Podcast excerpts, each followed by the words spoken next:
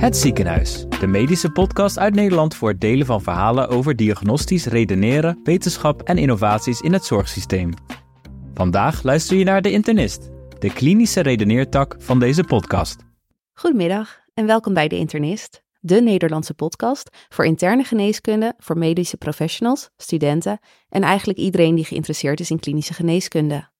Elke aflevering zullen we met vooraanstaande experts en specialisten de diepte induiken in een medische casus of onderwerp. Ik ben Sarah. En ik ben Henry. En wij zijn geneeskundestudenten uit Amsterdam en nemen je graag mee op reis door de complexe en fascinerende wereld van de klinische redenering. Nou, vandaag te gast bij ons is professor Dr. van Zuilen. Hij studeerde geneeskunde aan de Universiteit van Amsterdam en heeft na het afronden van de opleiding tot plastisch chirurg gerenommeerde klinieken bezocht in de Verenigde Staten, Canada, Australië. En dat alles op het gebied van acute brandwondenbehandeling, littekenreconstructies, microchirurgie, gelaatsreconstructies en littekenbehandeling. Zijn promotie had als proefschriftonderwerp onderzoek naar de invloed van een kunsthuid op de littekenvorming bij acute brandwonden en plastische chirurgie van littekens. Professor Dr. Van Zuilen is sinds 2006 werkzaam als plastisch chirurg in het Rode Kruis ziekenhuis. Hij maakt deel uit van de maatschap Blooming Plastisch Chirurgie. Uh, en ook is hij bijzonder hoogleraar brandwondengeneeskunde aan de Vrije Universiteit in Amsterdam. Welkom. Dankjewel. Ja, welkom. Wij zijn benieuwd om te weten, um, waarom bent u voor uw vakgebied uh, gekozen?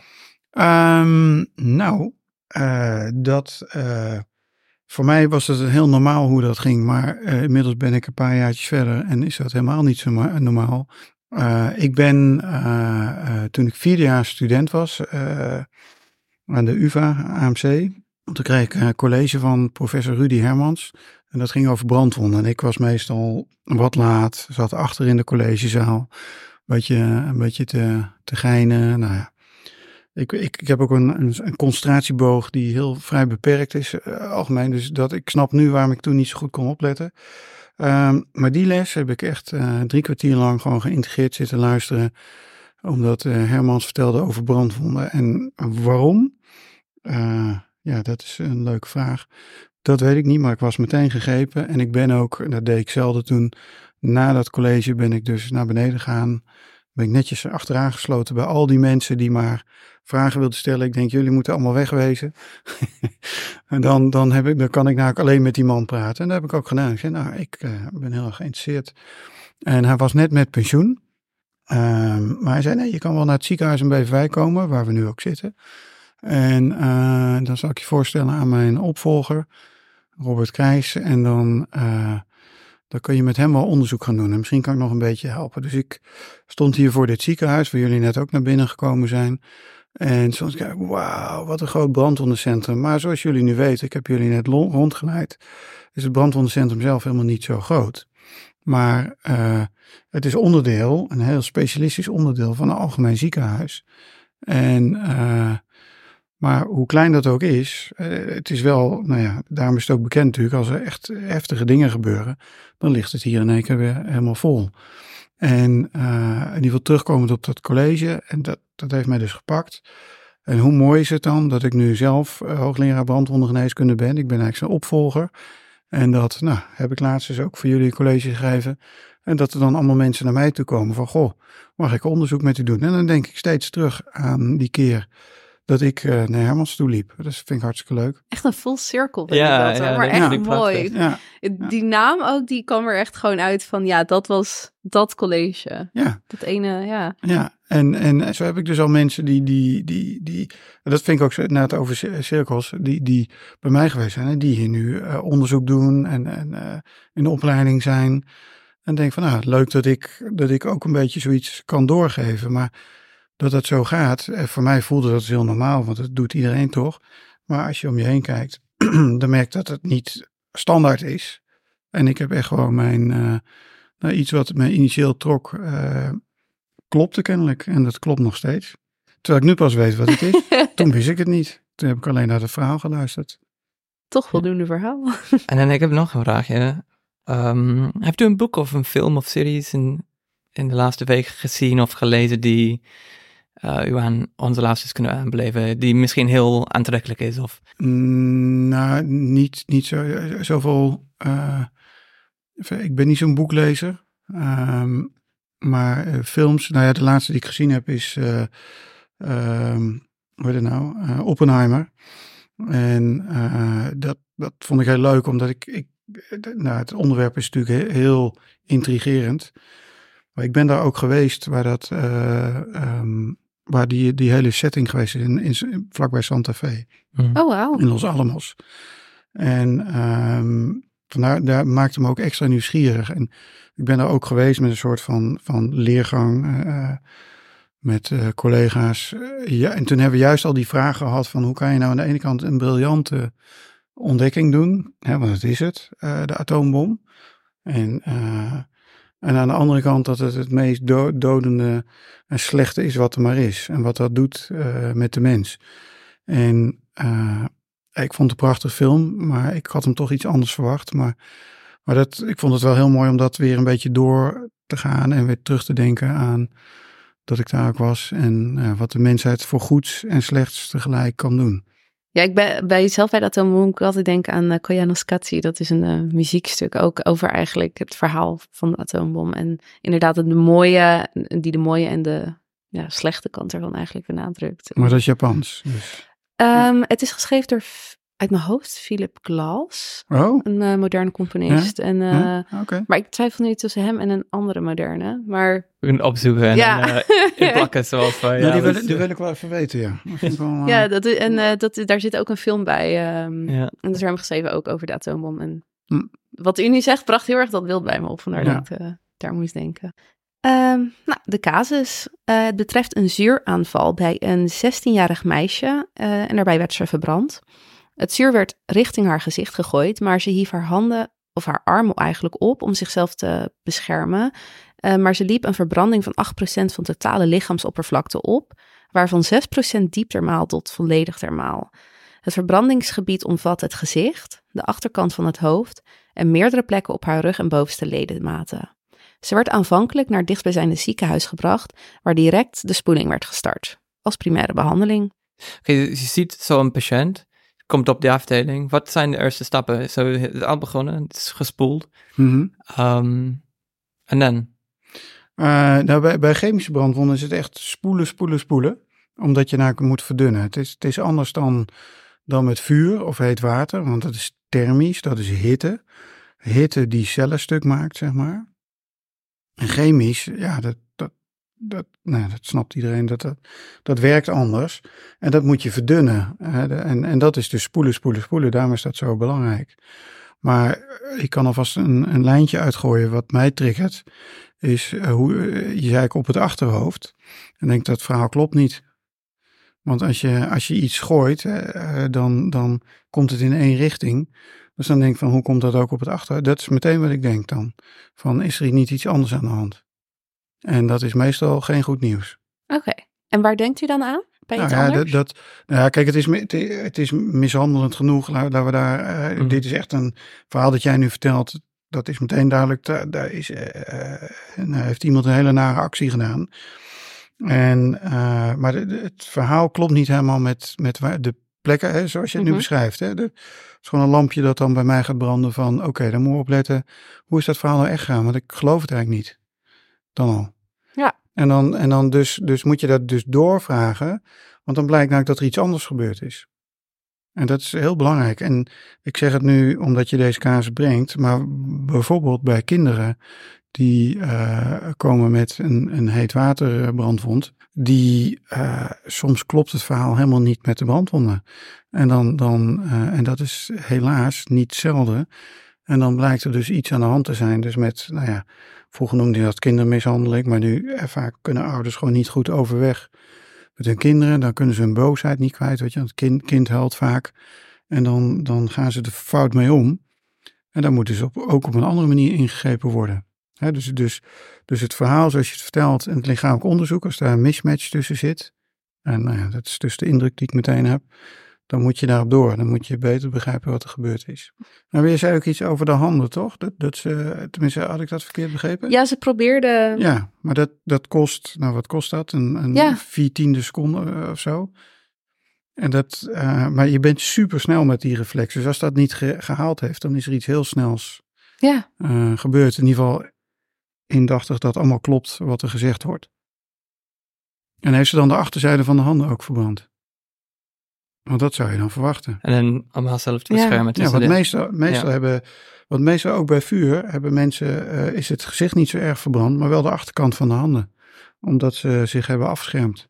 Ik kan me voorstellen dat een van de eerste dingen je gaat doen is die ernst van de brandwond beoordelen. Is er een verschil in hoe je dat doet tussen die chemisch en vuur? Of is, is het allemaal een... Ja, de, de chemisch is eh, ehm, een soort van lastiger, omdat ook al spoel je, spoel je, spoel je, hè, dat is de manier om er vanaf te komen. En er zijn echt een paar producten waar je nog wat anders kan doen, maar de essentie is spoelen, spoelen, spoelen. En dan kan het nog steeds zo zijn dat er nou, eh, op moleculair niveau nog wat activiteit is. En met name van basische, eh, nou, heel, heel kort heb je basis en, en zure che- chemie, chemicaliën. En vooral de basische zijn berucht dat ze als het ware door kunnen gaan met necrose maken. Dus als dat op je huid komt en je hebt het niet weggespoeld, dan zakt het erin. En heel berucht is ook bij nagels dat het dan door de nagel kan zakken en dat het dan onder de nagel door kan gaan. Eh, maar ja, maar er zijn van die stofjes die, die zakken dan heel snel de diepte in. En die gaan gewoon door. En als je die niet stopt, dan gaan ze gewoon door. Dus, dus soms moet je ook, als, als gebied heel pijnlijk is, moet je besluiten om daar gewoon agressiever chirurgisch eh, te opereren. En wat mij persoonlijk triggerde en wat ik doodeng vond, is, dit is even een uitstapje, maar, maar heel erg actueel, dat in de Gazastrook zou nu, en dat kan ook fake news geweest zijn, zou met fosfor eh, gewerkt zijn. Nou, dat is echt goorspul. Dat kan gewoon spontaan ontbranden. Dat, kan, dat is Ja. zo ernstig dat als je, als je iemand opereert die fosfor heeft, nou, eh, we, we mogen hopen dat dat niet, dat dat fake nieuws is, zou ik maar zeggen. Dan ben je dus ook at risk als chirurg als je dus aan het opereren bent. Want het kan gewoon spontaan op de OK, als je het uit de patiënt haalt, kan het on, ontbranden. Dus dat is, dat is niet alleen gevaarlijk voor de patiënt, maar voor, voor Dus zelfs na het verwijderen kan het nog ontbranden. Ja, dat kan spontaan ontbranden. En Wauw. er wordt wel gezegd dat je dan onder water dingen weg moet halen. Maar ja, omdat er dan geen zuurstof bij kan komen. Nou, zie je jezelf onder water opereren. Maar, de, de, de- maar dat is heel, eh, omdat natuurlijk ook we helemaal niet meer gewoon zijn hoe je daarmee om moet gaan. Eh, maar wel weten dat het heel gevaarlijk is. Een hele diepe wonde kan maken. Ja, geeft het natuurlijk ook een soort spanning. Hè, van, van, en je moet natuurlijk ook jezelf beschermen. Want niemand heeft er wat aan als jij als hulpverlener zelf beschadigd raakt. En dat is ook iets wat heel typisch is bij chemische brandwonden. Kijk, als iemand met brandwonden binnenkomt van vuur of heet water. Maar ja, die bron is al lang eh, gedoofd. Dan heb jij, loop jij geen gevaar. Bij chemische brandwonden is dat anders. Dan loop je dus het gevaar dat jij zelf, als je dus niet goed jezelf beschermt Mhm. en je pakt iemand vast, dat jij ook chemische brandwonden krijgt. Ja, en ook, eh, is er ook een risico van vergiftingen? Van Ja. Jullie, en ook voor de patiënt zou ik zeggen. En nou ja, het voor de, voor de patiënten. Ja. Er zijn heel veel stoffen die, die gewoon in het lichaam worden opgenomen, wat ik net ook al zei. En die, die, die ook zo door de nagel zakt. Eh, eh, waarom die dan zo dat heel snel doet, weet ik niet. Maar die is daar berucht voor. Dat is gevelreiniger. Als je dat meer dan eh 2% van je oppervlakte, dat is een beetje een soort vuistregel, van je huid is aangedaan. Dan ga je daar, en dan is de regel dat je daar aan komt te overlijden als je niet snel ingrijpt omdat die fluoride, die vangt het calcium weg. Dan krijg je hartritmestoornissen. Dus dan moet je dus eh, corrigerende maatregelen gaan treffen. Je hebt niet, eh, niet over nagedacht. En Nee, nee, nee. En als, als plastisch chirurg is dat niet standaard waar je het meeste mee bezig bent. Maar dit, dit Ja. zijn wel allemaal dingen die je weet. ja, ja. Dat je ehm, daar rekening mee moet houden. En, en jezelf heel goed beschermen. Ik zit ook even naar de nagels te kijken. Ik weet niet. Het lijkt me heel eng. Een soort van... eh, Ja, en het is gewoon te kopen. Hè? Ja. Het, is, het is gewoon gevelreiniger. Het is ehm, ook velgereiniger. Eh, en nou, berucht is gewoon handschoenen. Die, hè, daar gaan mensen aan het werk. Handschoenen zijn stuk. En eh, die beginnen op een gegeven moment door te krijgen. Dus heel erg pijn krijgen. En dan is het natuurlijk meestal maar een klein stukje. Want het gaat echt niet zomaar gebeuren dat iemand in één keer een heel groot stuk heeft. Maar het gebeurt. Ja, de toegankelijkheid ervan, dat vind ik altijd ehm, ja, nog een soort verrassend. Want het is gewoon echt overal te koop.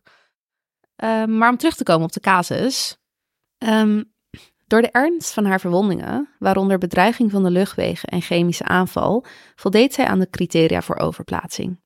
Ze werd overgebracht naar het Prince of Wales ziekenhuis in Hongkong, waar een protocol voor acute chemische brandwonden in werking werd gezet en dus werd de spoeling doorgezet. Ook werd er een oogconsult aangevraagd. Haar brandwonden, confluerende gebieden van verkleurende huid groter dan 20 vierkante centimeter op het gezicht en 100 vierkante centimeter op de romp of ledematen, uh, kwamen overeen met de criteria voor een dringend onderzoek onder anesthesie. Dit is waar het protocol van het Prince of Wales ziekenhuis af gaat wijken van de conventionele behandeling. Um, ze werd onmiddellijk naar de operatiekamer gebracht, waar oppervlakkige testgavingen werden uitgevoerd op alle brandwondgebieden. En zo werd bevestigd dat de brandwonden diep waren. Er werden dunne lagen weefsel verwijderd totdat er actieve bloeding optrad, uh, ook wel lancuneuze of puntvormige bloeding genoemd. In de daaropvolgende 48 uur kreeg ze om de twee uur zoutbaden. Daarna werd, varkenshuid aangebracht op het wondbed om het grafbed te testen. Op dag 3 tot 5 werd ze opnieuw naar de operatiekamer gebracht, wat voor, uh, voor wat aanvullende schavingen en voor een definitieve transplantatie. En nu vroegen wij ons heel erg af, wat maakt deze behandeling effectiever dan conventionele behandeling? Mm, nou ja, kijk, wat ze doen, daar ben ik helemaal niet op tegen. Uh, sterker nog, dat vind ik heel goed. Gewoon meteen het serieus nemen. Dus dus, uh, dus een, een chemische brandwond moet je eigenlijk. Je moet alles serieus nemen, maar in gradaties van serieus nemen moet je deze heel serieus nemen. En, en cruciaal is, want wat was nou de, de stof, dat weten we niet, hè? Uh, ja, zuur stond vermeld. Ja, ja kijk, en, en als het natuurlijk een, een soort aanval is, gewoon ja, een misdadige actie, ja, dan, dan weet je niet wat precies het zuur was. Maar wat, wat cruciaal is, uh, kan ik wel meegeven, is dat je in ieder geval probeert uh, te weten wat de stof is die iemand over zich heen heeft gehad. Want dat maakt heel erg uit. Ik vertelde net dat bij een paar waterstoffluoride, dat je met een kleine oppervlakteverbranding, dat het al dodelijke hartritmestoornis kan geven. Dat moet je weten dus. En, en de, met anamnese kom je er al vrij snel achter. Als iemand zegt, ja, ik was de hele dag gevel aan het reinigen. Nou, dan ben ik al meteen getriggerd. Uh, en het zit aan de handen. Uh, snap je? Dus, dus op die manier, maar natuurlijk, bij, als het een, uh, nou ja, zo'n aanval is, ja, dan gaat de, de dader echt niet zeggen van dit heb ik gegooid. Dat, dit slaat natuurlijk nergens op. Maar dit is wel wat je wil weten. En, en als je het weet, dan kan je ook veel beter dingen couperen. Alerter zijn op waar de gevaren zitten. Maar als we het hebben over de wond, is dat idee om snel naar elkaar te nemen en goed schoon te maken. Daar ben ik helemaal voor. Alleen het lastige is, je weet niet precies hoe diep je moet zijn. Maar wat ik wel weet, door het in ieder geval snel te doen, is de kans dat, het, dat je diep moet zijn minder dan als je lang wacht. Om, van wat ik net vertelde, dat chemische substanties soms dieper in de huid zakken. Dus op zich kan ik me best vinden. Ik bedoel, we doen het niet precies hetzelfde hier, maar het idee van snel opereren, schoonmaken, dat, daar ben ik helemaal voor. Zijn er ook andere belangrijke stappen voor deze patiënt? Uh, nou, je wil wel in het begin heel goed het in de gaten kunnen houden. En wat we bijvoorbeeld ook wel doen als iets, eh, bij, als het een basisgoedje is, vind ik het lastiger. Maar we hebben wel goede aangezuurde uh, crèmes bijvoorbeeld. Dus daar kan je een soort tegen uh, stofje er, erop smeren. Dat zijn dingen waar we wel rekening mee houden. Maar kijk, je kan ook niet eindeloos weefsel weg. Dat is het dilemma dat wij hebben. Je kan wel eindeloos, je kan heel diep weghalen van dan ben je zeker van de chemische stof af. Maar ja, de kans dat je dan veel te veel weghaalt is super groot. dus je moet een soort balans vinden tussen uh, uh, hoeveel haal je weg. En, en, en dat je op een gegeven moment zegt, oké, dit vertrouw ik en dan gaan we morgen weer opnieuw controleren. Mhm. Omdat je anders veel te veel weghaalt en dan vermink je eigenlijk iemand. Waar ik ook nog wel nieuwsgierig naar was, is in de casus ligt best wel nadruk op de, de varkenshuid, laat maar zeggen. Um, in de afgelopen jaren is er ook best wel veel onderzoek gedaan naar vis. Ja. ja en ik, vond dat zelfs heel erg een interessant onderzoek, omdat bijvoorbeeld, ik weet dat ze in Zuid-Amerika daar nog steeds best wel actief mee bezig zijn. Met kikkerhuid. Ook met kikkerhuid. Jazeker. Van die grote, hele grote kikkers. Ik ben de naam even kwijt. Oh ja, die, ja oké. die, ja, oké. Mega kikkers. Maar in de Engelse en Nederlandse literatuur heb ik daar eigenlijk in de laatste jaren minder onderzoek naar gevonden. Nou, wij gebruiken het hier ook hoor. Ja? Ja, de is, ja, vissenhuid. Maar ik ben niet zo onder de indruk. Nee? Nee. Nee, ja, sorry. Nee, dat- maar het is echt fascinerend hoe die vissenhuid, na het elk jaar met college komen die vraag weer terug.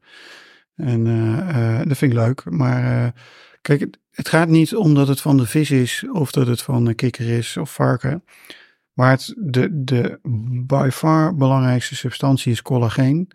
En dat is, eh, want wij gebruiken ook wel veel kadaverhuid, hè, dat dan ter beschikking gesteld is. Ja, dat is eigenlijk hetzelfde. Ehm, en ik zie ook niet zo heel veel verschil tussen die vissenhuid en, en eh, donorhuid, zoals wij dat dan noemen. Maar het is, dat is omdat het allemaal collageen is. Eh, en dat is wat een wond prettig vindt. Als je die toedekt met collageen. Dat, dat is eigenlijk zoals die wil zijn.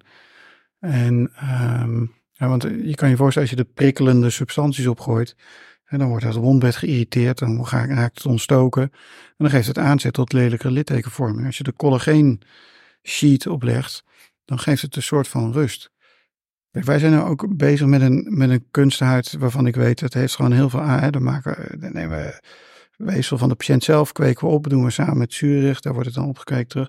Dus het heeft heel veel, heel veel eh, nou, op, eh, positieve aandacht krijgt dat vaak als we dat ergens brengen. En dan heb ik ook al gemerkt, als wij iets positiefs te melden hebben, wordt dat heel goed onthouden. En mocht er een keer een, een minder dingetje hebben, dan, dan zakt dat bijna weg. En zo- zo is het denk ik ook met die vissenhuid. Ik bedoel, er zijn echt wel goede dingen te zien aan een genezing met vissenhuid. Maar het gaat ook wel mis. Mhm. Tenminste, dan gebeurt het niet. En, dan, en als je dat dan niet hoort, dan krijg je de indruk van, wauw, het is fantastisch. Waarom gebruiken ze het niet overal? Beetje wetenschappelijke bias erachter misschien. Enorm. Ja. En, en, en eh, als ik wel één ding wel geleerd heb, is dat er bestaan geen tovermiddelen. Dat zeg ik ook heel vaak tegen patiënten. Dat helpt enorm. Want die denken altijd dat een dokter een tovenaar is. Nou, niet altijd. Maar soms, soms voel je aan mensen die, die denken nog echt dat een dokter die kan ook, hè, de die kan opereren zonder littekens. En als ik dat merk, dan zeg ik ook vaak van, nou, eh, ik ben geen tovenaar. Ik ben gewoon een dokter die opereert. Dus ik maak ook wonden en ook littekens. En dan heb ik regelmatig het idee dat dan het besef doorkomt van, oh wacht eens even, dan, als deze dokter mij opereert, dan hou ik ook gewoon littekens over aan de operatie. Maar de stovenmiddelen, eh, ik moet ze nog zien. Ja, ik denk dat het wel heel erg mooi is wat u daarin zegt. Want inderdaad, ook de nieuwsgierigheid is omdat, eh, omdat je er daarna opeens niks meer over hoort. En ja, het is nou ja, net als dat er geen eh, eeuwige anti-rimpelcreme bestaat. ehm, ja, bestaat er natuurlijk ook geen wondermiddel voor huidgenezing. Dus Nee. ik denk dat u zegt heel erg raak is. En Heb je een bepaalde methode die je gebruikt voor de acute behandeling van een- zo'n patiënt? Ehm, en dan bedoel je wond of eh, hele patiënt? De hele patiënt eigenlijk, ja. Ja, nou kijk, wat je heel erg op moet letten is dat, ehm, ehm, jij noemde net ook al dat er beademingsproblemen eh, zouden zijn. En in deze kaas denken van, oké, waar komen die vandaan? Inademen van stof, inhaleer, eh, in, Mhm. ja, eh, dat, dat de stof in de luchtpijp komt, wat echt niet zomaar gebeurt. Niet dat het niet kan, maar het is echt uitzonderlijk. Ehm, maar je kan natuurlijk hebben, ook bij grote brandwonden, sterker nog gebeurt vaak, dat die eh, heel ziek worden van het feit dat ze een grote wond hebben. En eigenlijk stellen we dat, als een soort algemeen iets, als je meer dan 20% van je huidoppervlak verbrand is, ga er maar vanuit, dan is je hele lichaam eigenlijk ziek. En dan kom je in een soort van brandwondenziekte. Eh, dan krijg je enorme verstoring van de, de vochthuishouding. Van het vocht, je komt in shock, eh, het vocht lekt, je, je, haarvaten, je capillaren gaan openstaan, vocht lekt eh, door die gaten eh, naar buiten toe, inclusief de eiwitten, dat trekt weer vocht aan. En wat wij dus moeten doen dan, is heel veel vocht geven via het infuus. om te zorgen dat al dat vocht wat maar in de weefsels loopt, dat willen we niet, maar dat gebeurt wel. Om dat dan eh, steeds vocht bij te geven, zodat in de bloedbaan genoeg vocht zit hè, nou, eh, tegen shock. Maar ja, dan kan het dus zijn dat je gewoon iemand dus 15 liter vocht op een dag geeft. En dat hij dus ochtends, dat je die persoon nog herkent als eh, nou, een slank figuur. En s'avonds is het al een wat pompeuzere persoon. En, en we zeggen dan, gebruik het woord Michelin-mannetjes wel eens.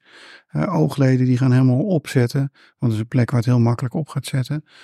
En eh, je krijgt helemaal een opgeblazen uiterlijk krijg je dan. En dan is er niet een risico om, om compartmentsyndroom te krijgen of een SK? Hoe, Mhm. hoe, hoe weeg je die, de nood voor vocht om toe te dienen en dan die risico op complicaties eigenlijk?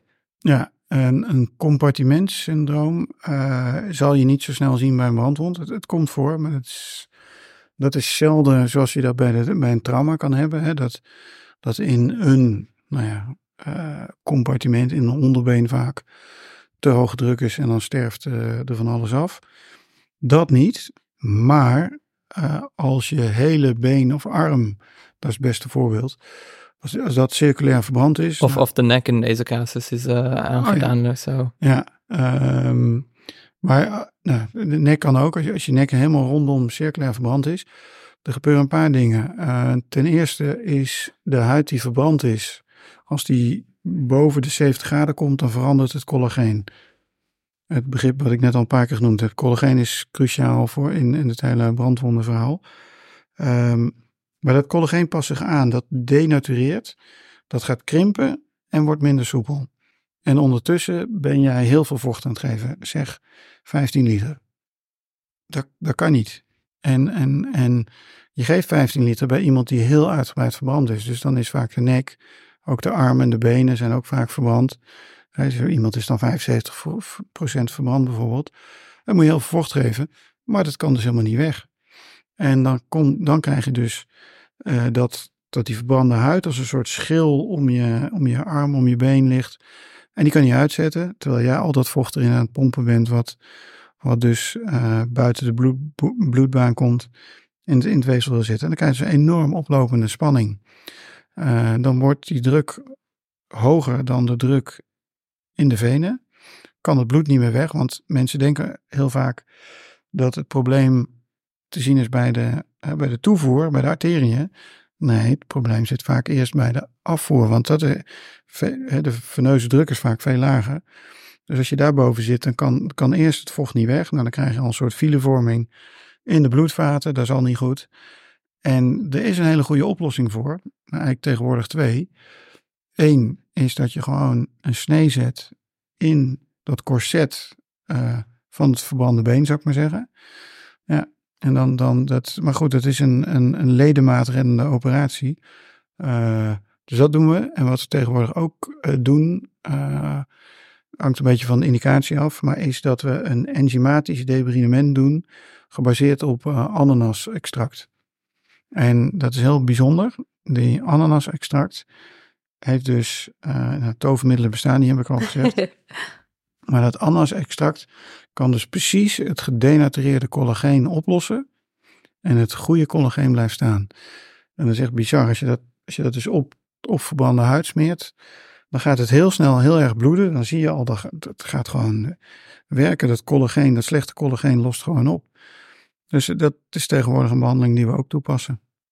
Wauw. Daar krijg ik nooit vragen over op college trouwens. Nee, over ananas. Uh. Oké. Okay.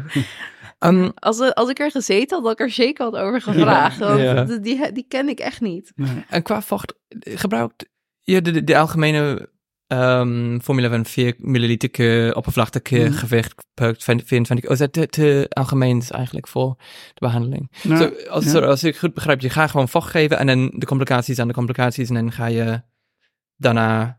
Je, je moet vocht geven, want anders zit er te weinig vocht in de Ja. bloedbaan. Dus, En dan- dus, dus dat is levensreddend. Ja. Uh, maar goed, dat heeft wel weer uh, uh, in het vervolg daarvan kunnen weer complicaties daarvan optreden. Dus daar moet je Ja. ook op anticiperen. Ik ben ook nieuwsgierig naar de complicaties die komt bij specifiek een, een chemisch brand van. Dat het, dat het, in ieder geval dat je beducht moet zijn dat het dieper kan zijn.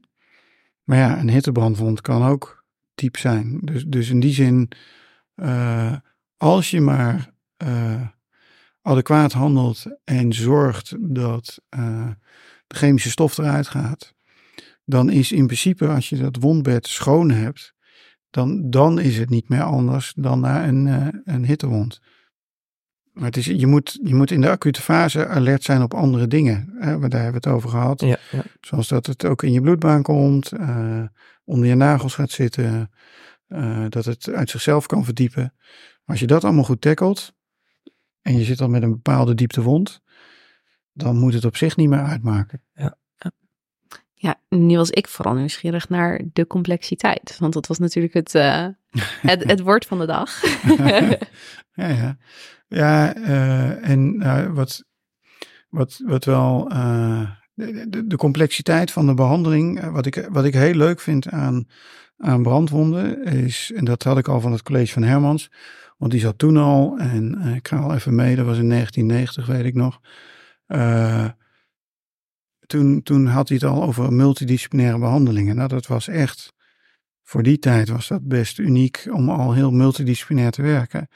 En nou, dat heeft mij, dat zijn ook een van die dingen die mij heel erg heeft gegeven. Want ik vind het heel leuk om in een team te functioneren. En um, om dan te denken van dat je zo uh, idealiter zou moeten zijn, dat jij zo handelt, dat je de anderen beter laat functioneren. Hè? En dat is, uh, je moet natuurlijk allemaal vanuit je eigen expertise je best doen. Hè? Maar als ik nou weet van, oh, er zit bijvoorbeeld een handtherapeuten in het team, uh, ergotherapeuten. Oh ja, wacht, als ik hier rekening mee hou, dan kan de handtherapeuten dat vervolgens beter oppakken. En als je, of, nou bijvoorbeeld halsverbranding die jij net noemde. Ik weet dat de intensivisten meteen kijken van oh, de luchtweg. En ik, ik kijk, maar ik denk ook aan de luchtweg. Alleen vanuit mijn expertise. En uh, de intensivist vanuit zijn of haar expertise kijkt ernaar. Nou, en als je zo in zo'n team werkt, dan, dan zit je al heel snel in een heel complex uh, uh, vraagstelling. Hè? Acute brandwonden is een hele complexe ziekte. En dan heb je dus ook, dan kan je niet unidisciplinair kan je dat oplossen. Dat is, dat is een hele verkeerde gedachte. Teamwork makes the dream work. Ja, ja, ja. het komt er bij jou toch wat soepeler uit dan bij mij. ja, ik denk inderdaad, um, Kijk, we leren nu natuurlijk ook op de opleiding echt verschillende facetten van de zorg. En ik denk dat dat inderdaad heel erg ook ja, toe wil brengen aan het feit dat een zorg is niet alleen maar een team. En om die bevestiging te krijgen dat we dat mm. niet uh, voor niets eigenlijk aan het doen zijn. Niet dat we dat dachten, maar ja, is toch wel um, mooi om het vanuit uw kant ook zo horen. Ja, nou ja, kijk, dat is ook wel, die, die ruimte waar we nu zitten, dat was vroeger een biep. En uh, dan vind ik boeken ik lees het niet veel, zei ik al bij de intro, maar um, ik vind boeken wel mooi gegeven. Ik bedoel, ik zou ik bladen met plezier door een oude anatomische atlas of weet ik veel wat. Maar hier stond een biep, maar, maar de boeken, dat is toch, uh, het is mooi dat ze nog zijn, maar deze ruimte is veranderd. En nou, wij zijn de enige drie die op dit moment deze ruimte kunnen zien. Maar dat bord wat je daar dichtgeklapt ziet hangen, um, dat is om privacy reden is dat dichtgeklapt. Maar s ochtends vroeg dan staan we met, met alle disciplines hier. En we doen een dagstart om kwart over acht. Morgen vroeg sta ik hier weer. Meestal daar.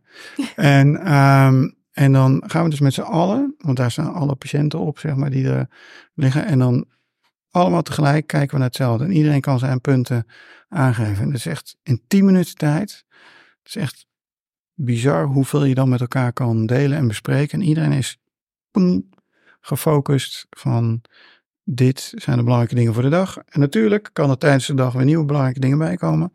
Maar dit is en zijn we allemaal helemaal gefocust. En dat is super. En als, als dan uh, de, de ergotherapeut zegt, ja maar wacht even, dat klopt helemaal niet uh, wat, wat die plancheur zegt, want die mevrouw beweegt helemaal niet. Uh, dan kun je er ook meteen op, de, omdat je allemaal bij elkaar bent. En dat is echt, echt heel mooi teamwerk. Dus morgen kwart over acht kunnen we hier het meemaken. ja. En dan had ik nog een vraagje, want zou je nog een andere interpretatie van de complexiteit? Nou, ja. Um, kijk, ik, ik heb mij uh, wel verdiept. Ik vertelde over Oppenheimer en over die filmen, dat mij dat zo boeit. Nou, volgens mij velen.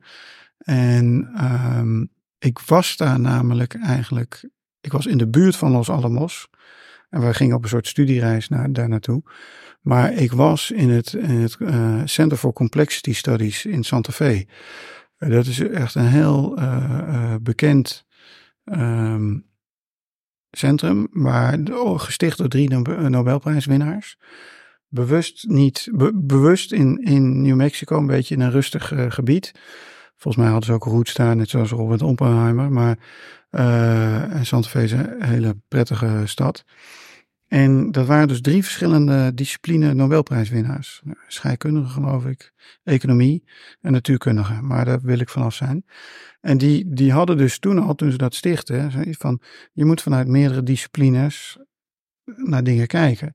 En um, uh, dat was iets wat ik in de geneeskunde natuurlijk, nou ik heb er net over verteld, ook al heel sterk uh, het effect ervan gezien had.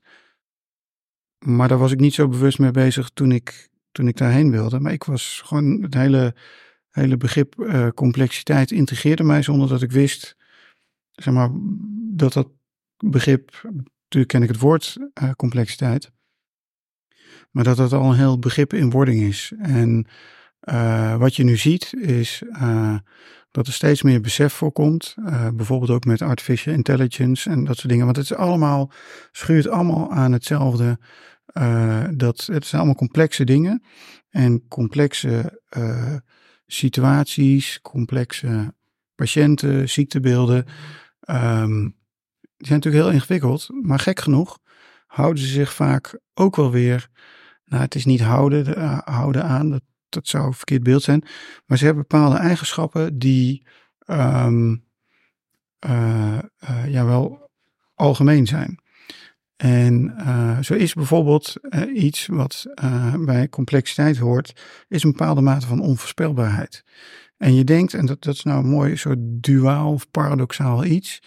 Als je meer van complexiteit begrijpt, dan accepteer je dus ook, um, hoe moet je dat nou zeggen, onvoorspelbaarheid beter, omdat het erbij hoort. Je gaat nooit, een complex systeem gaat nooit helemaal goed te voorspellen zijn als je dat accepteert, dan kan je daar veel beter op voorbereid zijn. En ja, met de COVID-pandemie, uh, uh, um, ja, dat, dat was helaas uh, een, een, nou ja, een bizar goed voorbeeld van complexiteit, waarbij dus een virus dat al weet ik hoe lang bestaat. Ik ga, het, ga het nu niet zeggen, want ik zeg toch verkeerd, maar dat, dat, dat, dat, dat coronavirus is al heel lang onder ons.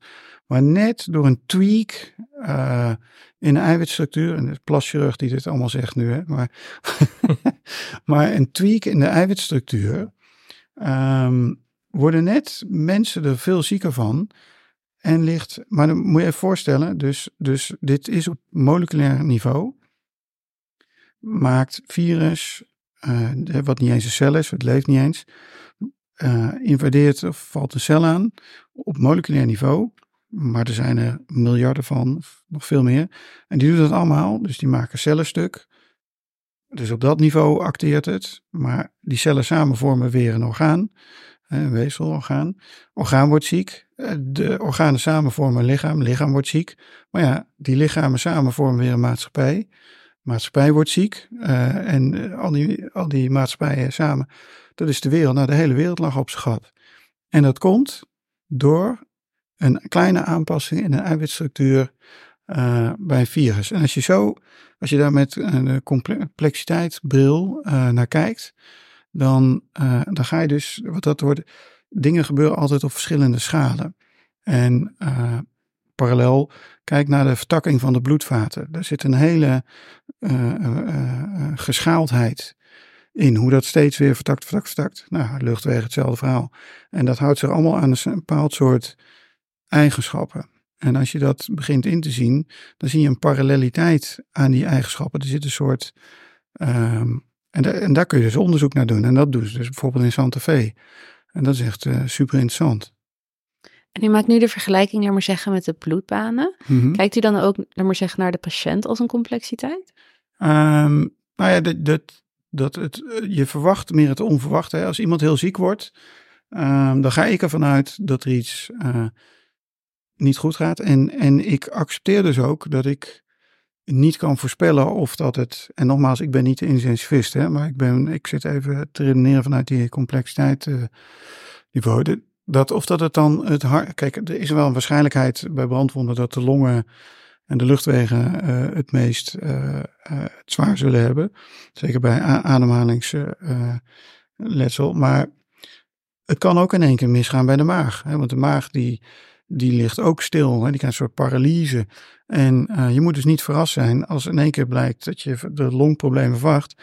Dat een, iemand in één keer problemen van de maag gaat krijgen. Of, of elders. Of er blijkt een bacterie uh, ergens naar binnen gekropen te zijn.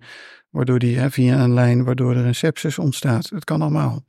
En het feit, het gegeven dat je dus, dus je bewust bent dat je niet al, alles voor kan zijn. Je moet, je moet als goed mogelijk voorbereiden. Hij zegt altijd hoop voor de best en prepare for the worst. Maar het feit dat het op verschillende plekken kan optreden, dat, dat hoort bij complexiteit. En dat, dat, dat kan je uh, om, omarmen. En ik ben, uh, uh, nou, ik, ik moet zeggen, dat is even een zijpaadje, maar je ziet dan hè, dat de maatschappij polariseert steeds meer. En er is een soort fenomeen dat het heet tipping point. Dat hoort dus ook bij complexe systemen, zo, zo heet dat. Um, het kan dus zo zijn dat op een er zoveel gebeurt dat in één keer slaat het systeem om. En eigenlijk kan ik het veel beter, ik, ik noem net die polariteit, en, maar dat kan ook, dat de, de stemming in een land slaat in één keer om. Hè. De, de maatschappij accepteert dingen niet meer en dat kan in één keer vloep gebeuren. Nou, dat is typische eigenschap van een complex systeem. Maar het wordt makkelijker geïllustreerd door een uh, beurskracht, ook een complex systeem. Houdt zich ook aan dezelfde soort kenmerken. Daar, daar kan je het heel mooi illustreren, want er is in één keer een beurskracht. Dus, dus er broeit wat en in één keer vloept het. Niemand, de, de, de beste, slimste mensen die erop zitten, die er willen, willen er geld mee verdienen, die kunnen het niet voorspellen. En in één keer vloep gebeurt het. En de mensen die het nog het beste voorspeld hadden, die hebben vaak geluk. Maar die verdienen er vaak nog het meeste geld aan. Maar niemand kan op de dag vandaag dan precies verstellen, oké, dan gaat het gebeuren. Tenzij de mensen hebben omgekocht of weet ik veel wat.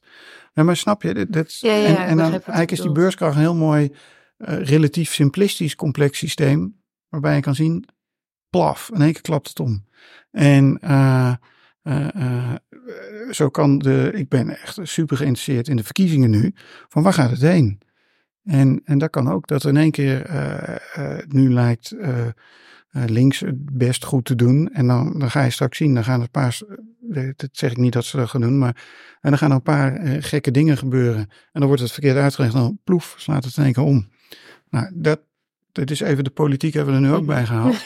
maar, maar mijn punt is, um, uh, complexiteit is overal. Um, er zijn een aantal, er zijn heel veel dingen heel complex. In biologie is bijna alles complex. Ik bedoel, vertel mij wat simpel is, wat niet complex is. En dan ben ik heel geïnteresseerd, maar volgens mij niks. Maar biologie is alles complex. Uh, voorbeelden van allemaal complex. En er zit dus heel veel paralleliteit. En daar kun je dus heel veel aan hebben en, en van leren. Maar in de, in de, bij, de, bij de patiënt um, ja, kunnen dus uh, uh, het feit dat je dus organen als complex systeem ziet, lichaam als complex systemen, uh, dat geeft je niet meer zekerheid, maar wel meer houvast aan onzekerheid. Ja, complex systeem zijn eigenlijk, maar ik heb nooit de verbinding gemaakt met, met geneeskunde. En, maar het klopt wel, omdat er is zoveel verschillende dingen aan dezelfde tijd aan het gebeuren. Ja, toen ik heb geleerd was altijd over weather systems of... ja, ja. Getalsystemen. Ja. ja. Nou, we hebben, wat heel interessant is, um, ik heb dus met die groep waarmee ik naar uh, uh, Santa Fe was, er zaten ook twee hoogleraren van de Radboud bij. Eentje de, uh, de hoogleraar geriatrie en eentje hoogleraar orthopedie. En met, met hen, maar ook met een paar anderen, hebben we dus voor het NTVG een stuk geschreven over complexiteit en ziekte. Dat stuk, ja, ik ben er trots op, wordt bijna nooit geciteerd. Nooit. Ik heb nu voor de brandwonden heb ik zo'n stuk geschreven. Werd godzijdank meteen geaccepteerd. Ik hoefde bijna niks te veranderen. Dus de reviewers.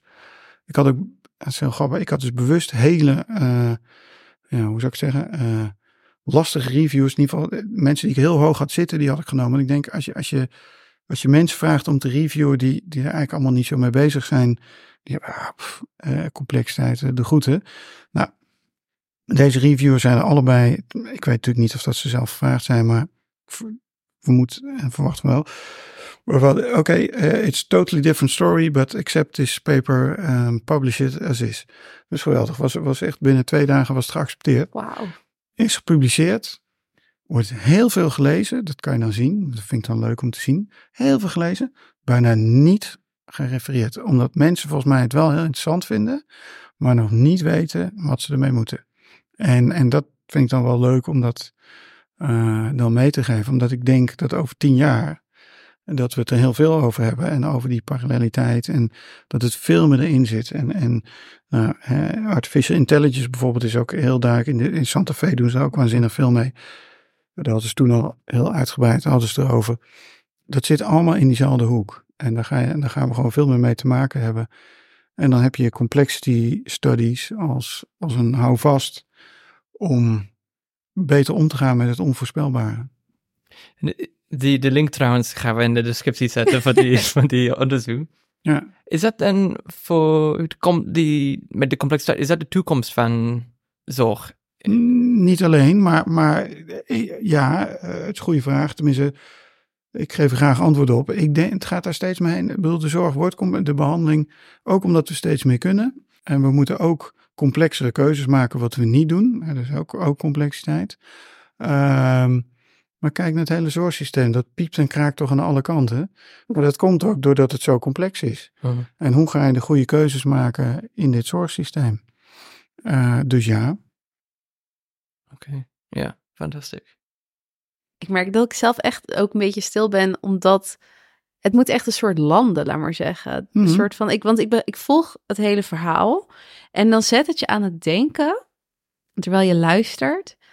En dan opeens zie je, laat maar zeggen, ga je ja, terugzien, laat maar zeggen, in dingen van bijvoorbeeld vandaag. De meest simpele dingen. Daar zit ik dan opeens aan te denken. Dat ik denk, oh ja, oh ja. En eh, dat ik gewoon merk dat ik gewoon geen reactie heb, omdat ik het echt nog aan het verwerken ben. ja. Nee, maar dat is heel goed. Eh, begrijp me, maar begrijp me niet te snel. Dat is eh, Ja. wat dan heel mooi gezegd wordt. Ja. Ehm, nee, dat kan ik niet. Maar ik, de, de grap is, ik ben, ik ben helemaal ingedoken. En ik kan ook niet meer terug. Eh, ik kan ook niet terug naar toen ik me er niet zo in verdiept had. Ik, het heeft me altijd geboeid. Ehm, en ik heb uiteindelijk gevonden wat me dan boeide. Ehm, en nu heb ik die stappen gezet. Ja, en ik kan niet, ik kan niet meer anders denken. Dat, dat kan niet. En ik, het helpt me. Want ik vind het lastig om het concreet te maken. Dat begrijpen jullie misschien ook wel. Maar ik merk met, met soms met beslissingen nemen, juist in complexe situaties, dat me enorm helpt. Gewoon dat ik, eh, omdat je dus rekening houdt met het onverwachte. En, en dan weet dat je keuze, eh, ook accepteer dat je keuze nooit 100% zeker helemaal goed is. Dat is natuurlijk niet heel typisch chirurgisch. Ehm, maar dat is helemaal, helemaal prima. En ik ga ook, als ik jonge assistenten meeneem, eh, eh, dan, dan zeg ik altijd een beetje, om mezelf een beetje te downgraden van, nou, van mij leer je toch niet zoveel. Daar moeten ze wel een beetje om lachen. Maar en zeg van, het belangrijkste wat je bij mij, eh, eh, wat ik je wil overbrengen, is adaptief opereren. En dat is ook adaptieve, eh, dat hoort ook heel erg bij complexiteit. Dus, dus ehm, als je gaat opereren, weet je soms helemaal niet wat je tegenkomt. En dat is zeker bij brandwonden zo. En zeker bij grote littekencorrecties. Ehm dan ging mijn telefoon even. Maar ehm, bij littekencorrecties. en er er gebeuren altijd weer andere dingen. Maar dat is oké. Als je maar er rekening mee houdt. En als je dus. eh, vroeger dan maakte ik een tekening en dan ging ik precies doen. eh, dat is ook heel plastisch chirurgisch. Dat je, je tekent hoe je gaat snijden. Ehm, eerst met inkt op de patiënt. Ehm, en dan deed ik precies wat ik getekend had. Nou, dat doe ik dus niet meer zo. Ik maak wel een plan. Maar ik begin eerst bij het ding waarvan ik weet. Want je moet ergens beginnen. Hè? Want als als je niet begint, dan gebeurt Ja. er niks. Dus dan eh, begin ik daar met snijden. En dan zie je vaak al dat eh, bijvoorbeeld een litteken dat heel erg op spanning staat. Dan zie je toch dat die spanning zich anders ontrolt dan dat ik van tevoren dacht. Ja. En dat kon, je, kon ik niet weten, want ik had de spanning nog niet afgehaald. Nou, dat zijn nou mooie voorbeelden. Eigenlijk beter antwoord op jouw vraag, wat heeft de patiënt er nou aan? Dit. Eh, dus, dus ik begin ergens waarvan ik denk, daar kan ik het meeste doen. En dit moet sowieso. En dan, dan pas, wil ik heb er wel over nagedacht wat de stappen kunnen zijn. Maar dan pas beslis ik.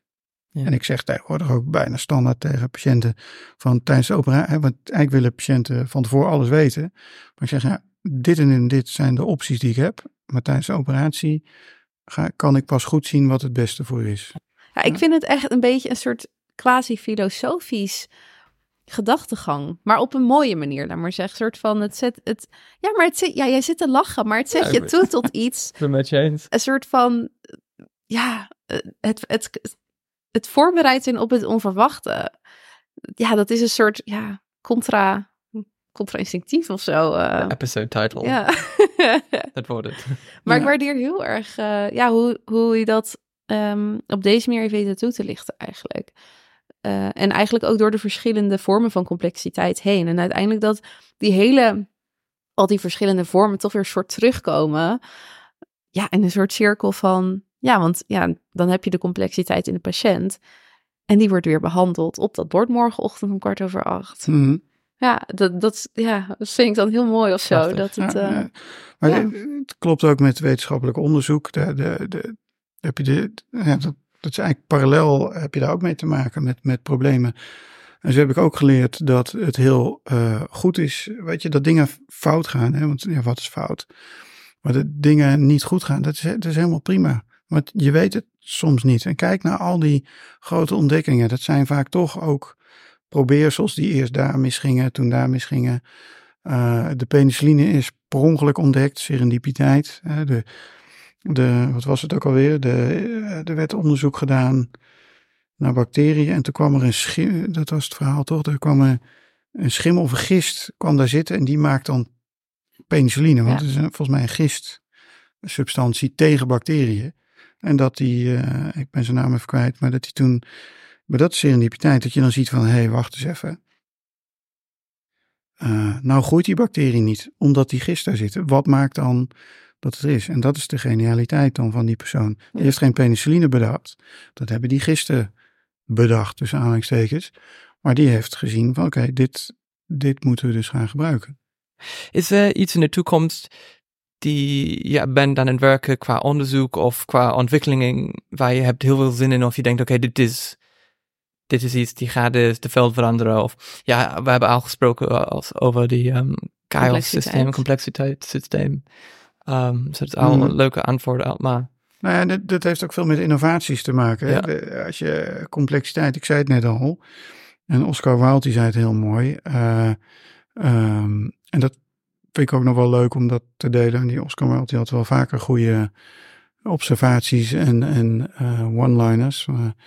Ehm, without order nothing can exist. And without chaos nothing can evolve.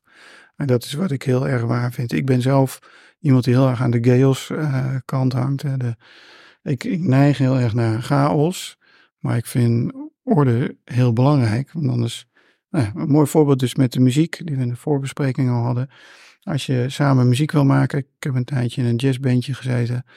Dan, eh, als je niet aan de akkoordenschema houdt, dan wordt het echt, eh, echt waardeloos. Dan loopt het publiek acuut weg. en het is ook niet leuk om te doen. Dus je moet, de basis moet heel goed staan en dat is de orde. En als de, de, de orde, de basis staat, dan kan je daar heel mooi overheen improviseren. Het zal je niet verbazen dat ik eh, liever de, aan de improvisatiekant zat dan aan de basiskant. Nou, dan eh, ja, ik denk dat inderdaad dat echt een hele mooie afsluiting is. Eh, ook op ja, toevoeging en afsluiting van de chaos wilde ik nu zeggen, maar eh, dat was niet de chaos. eh, van de complexiteit. En eh, dan wil ik u ook echt hartelijk danken voor uw tijd. dat wij hier vandaag heen mochten komen. En ja, dat u alles toch even heeft kunnen laten zien. Ik ben nu heel erg nieuwsgierig wat er in die hub allemaal gebeurt. Die jullie niet gezien hebben, die luisteren. Maar het was een hutje op het dak met onderzoek. Ehm, en ja, nogmaals bedankt. Graag gedaan. We hopen dat je genoten hebben van deze aflevering. Stem de volgende keer weer in voor meer verhalen over diagnostiek en klinisch herneren. Tot ziens!